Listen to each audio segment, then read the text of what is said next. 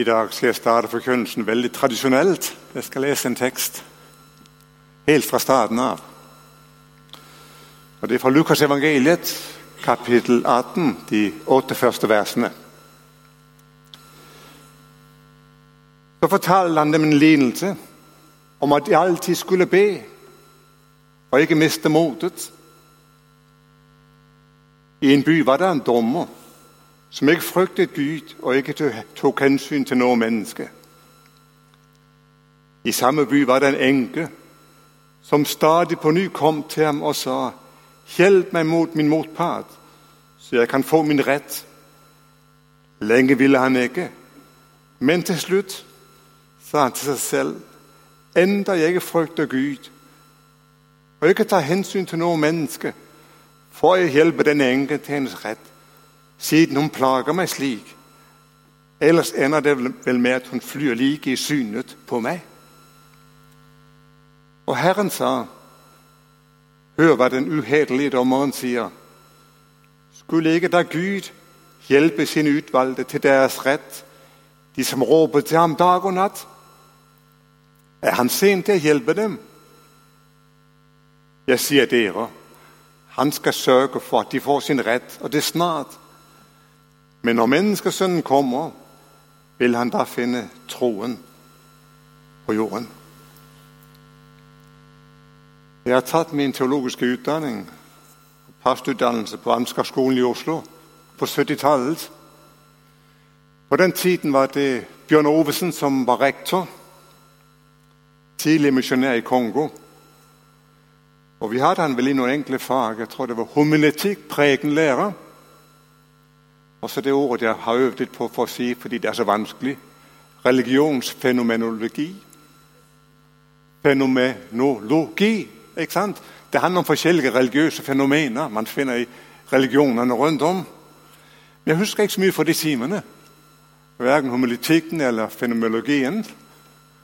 Men det jeg husker, det var historien Ovesen fortalte fra Kongo.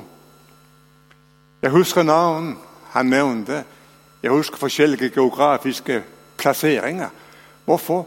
Fordi han var en eminent forteller. Og Det var alltid spennende timer når vi fikk ham bort fra temaet og han kunne fortelle litt ekstra fra det han opplevde i Kongo. Den gode fortelleren. Det er spennende å møte mennesker som kan fortelle, gi oss historier. Og Jesus var en fenomenal forteller. Når han skulle berette om Guds rike, så brukte han fortellingen igjen og igjen. Lignelsene som vi har hørt fra barnsben, mange av oss.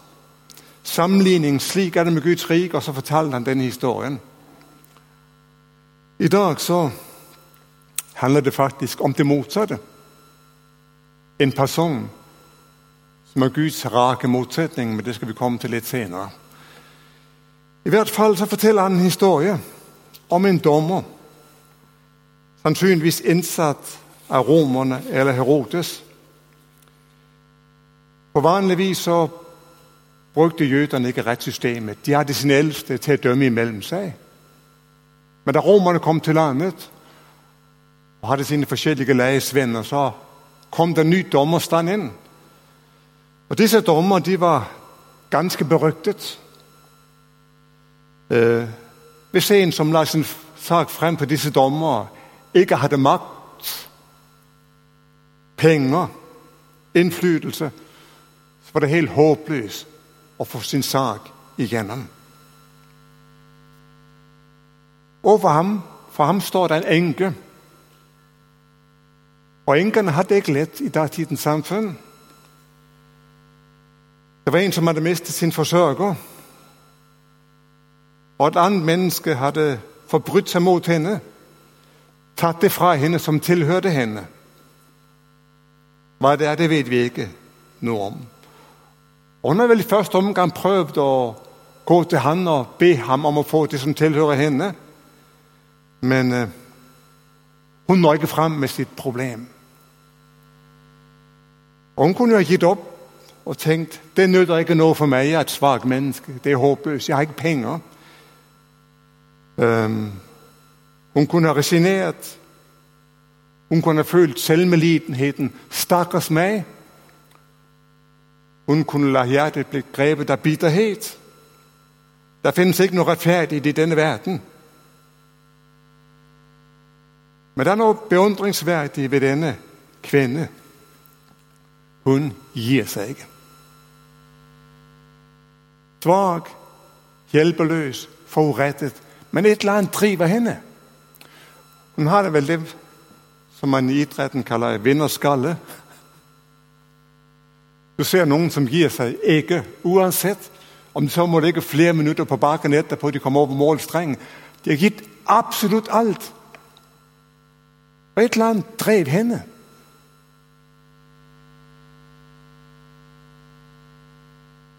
Så går hun til denne personen som har makt til å hjelpe.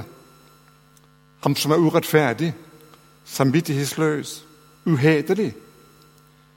Han føler ikke han har noen autoritet over seg. Han frykter Gud, tar ikke hensyn til hans ord, det Gud har åpenbart for hvordan man skal forholde seg i forhold til hverandre. Regner vel knapt med hans eksistens. Han lar seg ikke motivere av andre mennesker mener. Tenker ikke på rettferdighet kontra urettferdighet. Han har ikke et hjerte som kan vise medfølelse eller barmhjertighet. Han er seg selv nok. Så her har vi disse to hovedpersoner i fortellingen fra Jesus. En fattig enke som har mistet det som hører henne til. Og en rik, eller en uh, sannsynligvis rik dommer som ikke har tenkt å la rettferdigheten skje fyllest. Hva gjør denne kvinne? Jo, det er en der har sagt hun, pla hun plager dommeren med en hunds utholdenhet. Jeg vet ikke om du vet hva en saccosekk er. En skinnsekk sannsynligvis fylt med isoporkuler.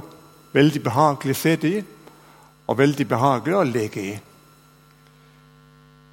Etter en stund så blir disse kuler presset litt sammen, og du må ha en ny påfylling av isoporkuler. Jeg har prøvd det et par ganger eller to. Og som jeg tidligere har sagt, så er jeg ikke noe handyman, så jeg tenker ofte ikke helt som jeg har tenkt når jeg skal gjøre slikt. Og En del av disse kulene kom på den andre siden av sekken, altså på utsiden. Og Hvis du har opplevd det, så skal du prøve å få den med. Så kleber de til fingrene. Så prøver du å ta den vekk, så henger de på den andre. Prøver du å støvsuge opp, men de vil ikke inn i støvsugeren. Men de henger fast igjen og igjen. De kleber seg fast.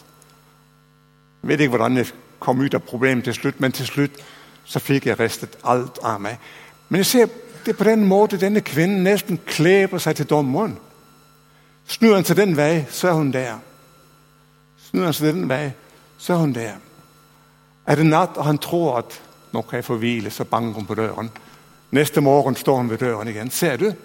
Hun er der igjen og igjen og igjen. For hun vil ha sin rett. Og til slutt så gir han seg. Ikke fordi han blir overbevist om rettferdigheten. Ikke fordi han kjenner på medfølelse eller barmhjertighet, men fordi hun plager ham, og han føler vel denne vel med at hun til slutt farer opp i ansiktet og gir meg en blå veis. Det er faktisk det som står ordrett. En kvinne som ikke lar seg stanse. Hun overvinner hindringer, og til slutt får hun det som er hennes rett. Jesus har jo alltid en tanke med de historiene han forteller. Noen ganger får vi lov å tenke oss fram til det selv.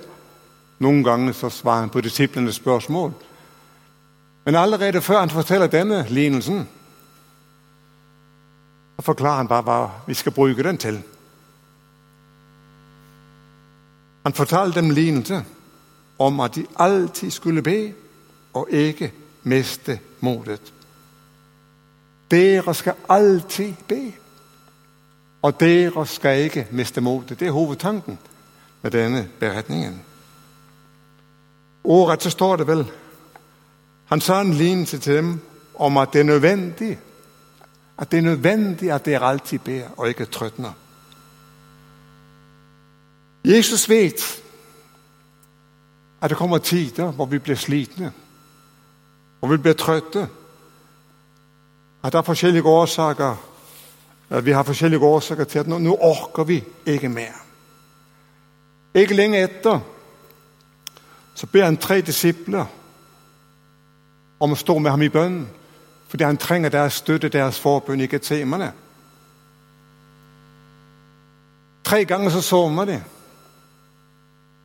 De får en ny mulighet, men de makter det ikke. De orker ikke. De er trøtte, de er slitne. Lukas sier at de overvelder sorg. Psykisk er de slått ut. Andre steder står at de rent legemlig ikke orker mer. For deres øyne var tunge av søvn. Som sagt, Jesus kjenner menneskelivet. Han kjenner deg, han kjenner meg.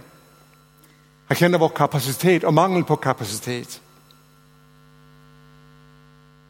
Han vet om tider hvor vi fristes. Og Derfor ønsker han å forebygge og oppmuntre. Derfor denne lignelse. Men oppfordringen den er klar. Be alltid.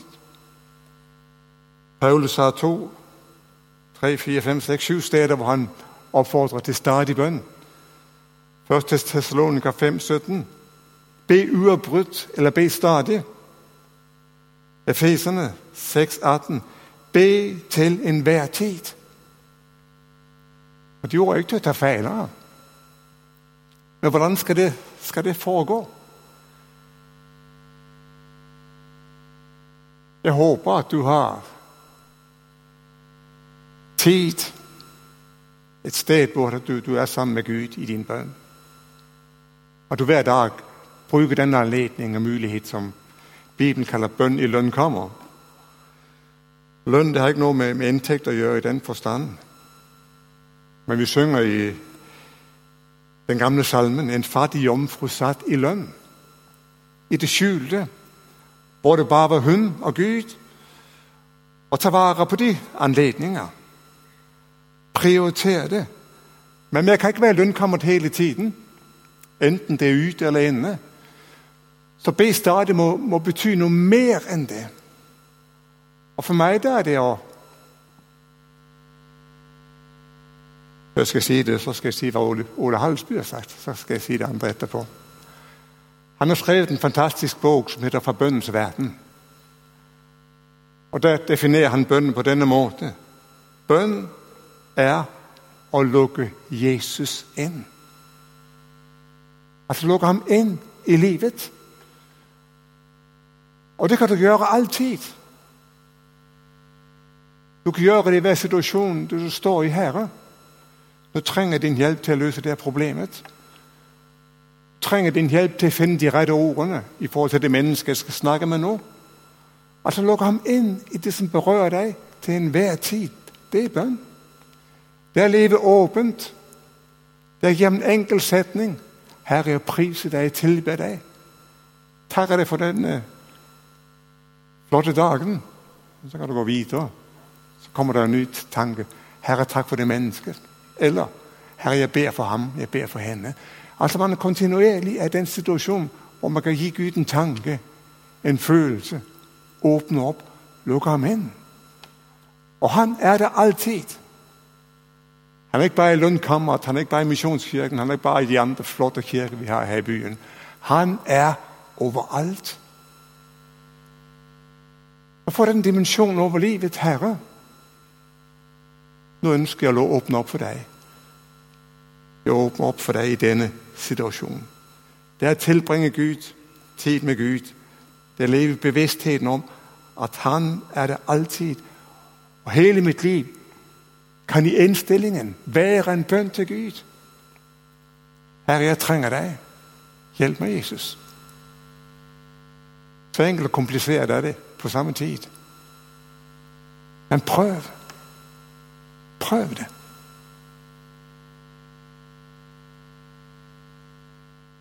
Be til enhver tid. Det også noe å gjøre med utholdenhet. Utholdenhet sier at ting tar tid. At vi ikke har svart her nå i enhver situasjon, det er langt fra vi har det. Noen svar må Gud arbeide på over tid, faktisk. Vi kan be om, at Gud han må frelse mennesker. Men hvis ikke mennesket vil, så kan han ikke frelse. Men han kan arbeide med den igjen og igjen. Skape situasjoner. La den møte mennesker som har en utstråling, som har et levende vitnesbyrd. Og så arbeider han med den over tid. Og vi får lov å bli en del av det. Han inviterer oss til å være med som bønnesvar. Noen behov krever daglig gjentakelse. Det er derfor vi har Fader vår. Gjennom utholdenhet så lærer vi noe om oss selv. Det kan være en tid hvor du renses. Det kan være en tid hvor du prøver dine motiver. Det kan være en tid du lærer hva tro egentlig er. Holde fast ved Guds løfter. Det er en tid hvor vi lærer noe om Guds vesen, Guds tanker, Guds vilje.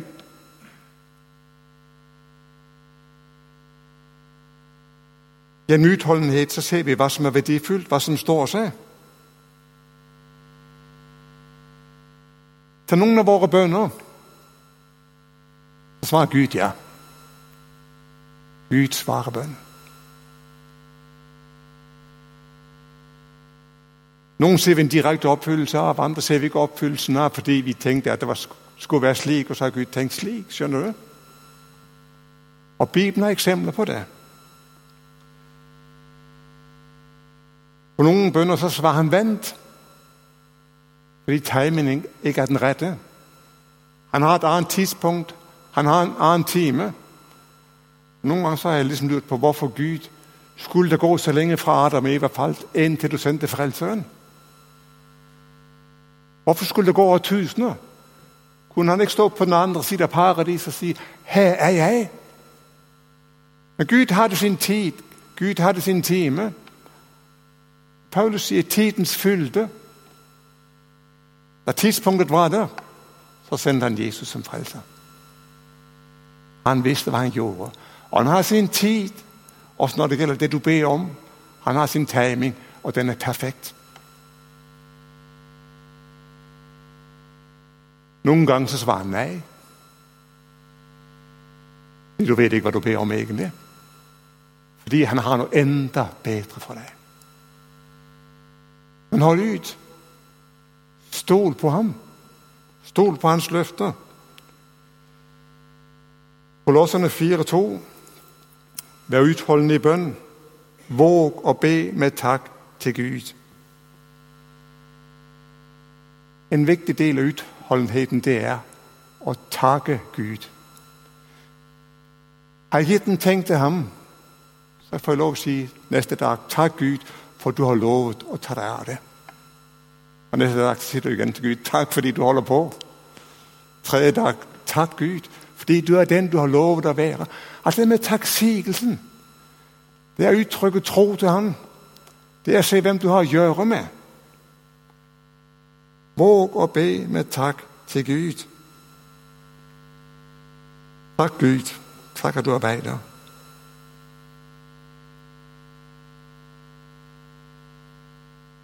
Hva er det du har rett til? Kvinnen hadde sin rett, som noen hadde tatt fra henne.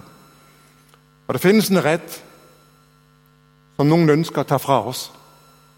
For vi lever i en stadig kamp, både for oss selv og for dem vi ber for. Romerne 8,15.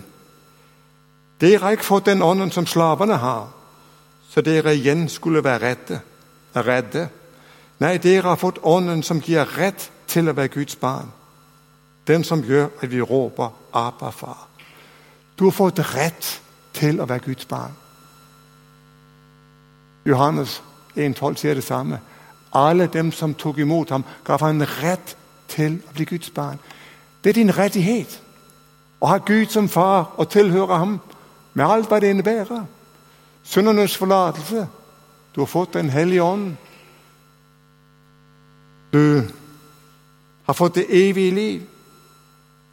Rett til å være i hans nærhet. Du får rett til å være for hans trone. Og la ingen ta denne retten fra deg. Hold fast ved den. Tak Gud for at det er dit privilegium.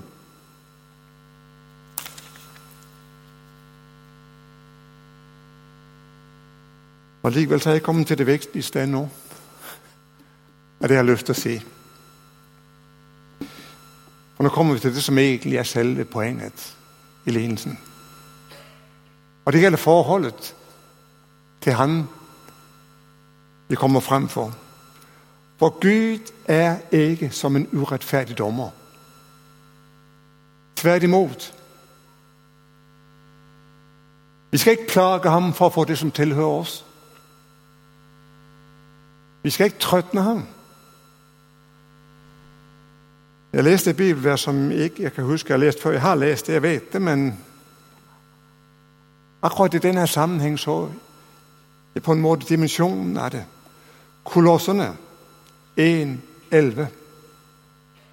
Kraften fra Hans herlighet skal gi dere styrke, så dere alltid er utholdende og tålmodige. Kraften fra Hans herlighet. Det som er selve hovedpoenget i lignelsen, det er motsetningen mellom dommeren og Gud. Hvis den dommer til slutt måtte gi etter Hvor mye, mye mer skulle da Gud ikke svare de som er hans barn, som, elsker, som han elsker?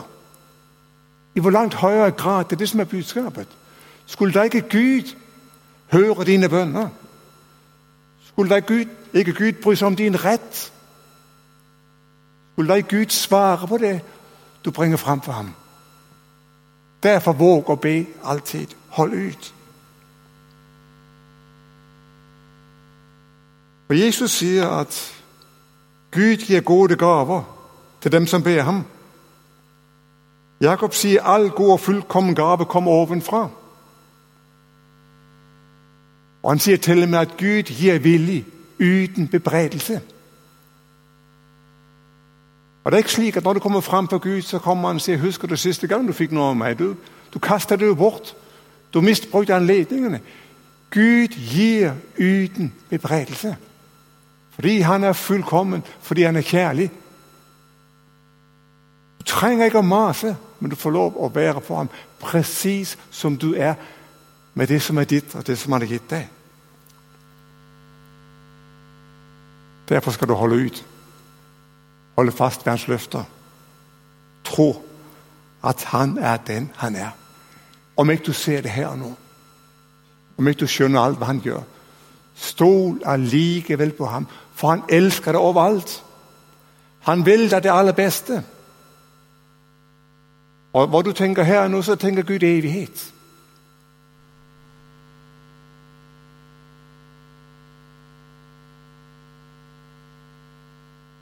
Kan hende det tar tid. Kan hende det skjer nå. Men stol på ham. Stol på ham. Han har sin vei, han har sin måte, han har sine midler. Hans hjerte banker for de som søker han i bønn.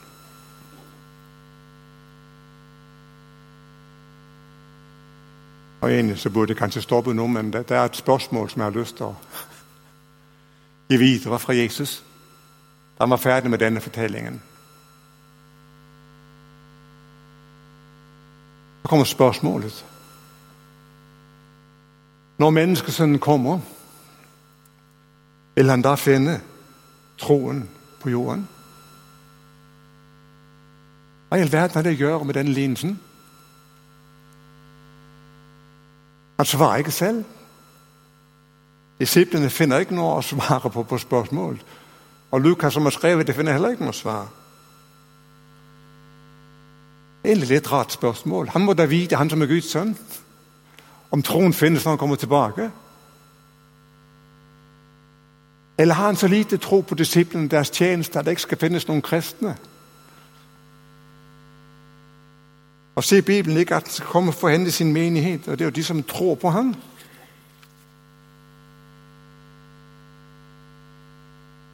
Skal menneskesønnen finne troen på jorden når han kommer tilbake? Jeg skal ikke gi noe dyptsindig besvindig svar på det. Men det jeg skal si, det er at jeg vet at tro og bønn henger sammen. Skal troen være levende i mitt liv, hænger den sammen med åpenhet i forhold til Gud. Igennem bønn. At jeg deler mitt, at jeg lover å prise ham, om det er kort eller langt. Men jeg lever åpent og lukker ham inn i mitt liv. Så skal troen være i mitt liv den dag Jesus kommer igjen. Da henger det sammen med åpenhet i bønn. Skal menigheten være levende, henger det sammen med åpenhet i bønn. Kan en finne troen i menigheten den dagen han kommer igjen? Da må det være en menighet som er åpen i bønn. Ekte, ærlig. Forholdet til Gud. Skal nye mennesker oppleve troen, henger det sammen med bønn. Det er den veien Gud har valgt. Han kaller oss inn og ber oss om å være medarbeidere i det han har tenkt å gjøre. Ber vi, og så sender han oss.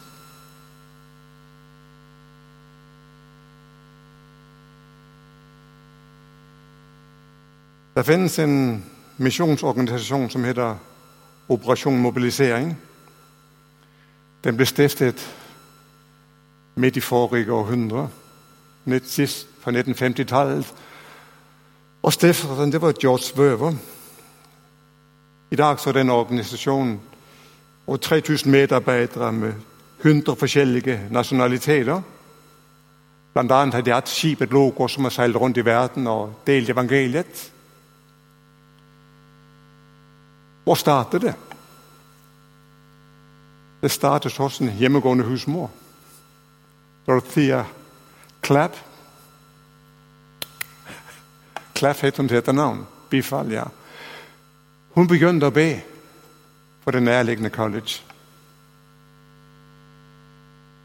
Hun ba om at Gud måtte nå noen av disse ungdommer som gikk der. Fordelt for nytt et nytt testament til en av dem, George. Han gikk på en evangelisk kampanje hvor Billy Graham talte om den kristen. En til ble kristen, og en til og en til. Og ut fra det så startet dette operasjon mobilisering. Men det begynte med en enkel kvinne som begynte å be til Gud om at hun måtte berøre ungdommene. Trosstyrkende. Du kan be. Du kan be det som går på skolene rundt om her. Du kan be for skolene på Haugaland. Du kan be for barn og ungdom Gud betror seg i menigheten. Og Gud setter pris på disse bønner. Kan hende du blir en del av svaret selv. Det er ofte slik det fungerer. At det er deg han ønsker å bruke til å skape en god atmosfære. Det er deg han ønsker å bruke til å dele liv. Men be. Be. Idrik Bonhoeffer, tysk teolog og prest, kom i konsentrasjonsleir for sin motstand mot Hitler under annen verdenskrig. Han ble henrettet 9. april 1945, knapt en måned før krigen var slutt.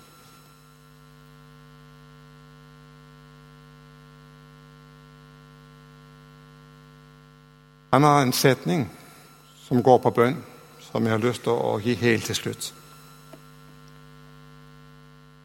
Når det gjelder bønn, så oppfyller Gud ikke våre ønsker, men sine løfter. Og kan det skje noe bedre enn at vi åpner oss for Guds løfter? Den far som melder oss bare vel.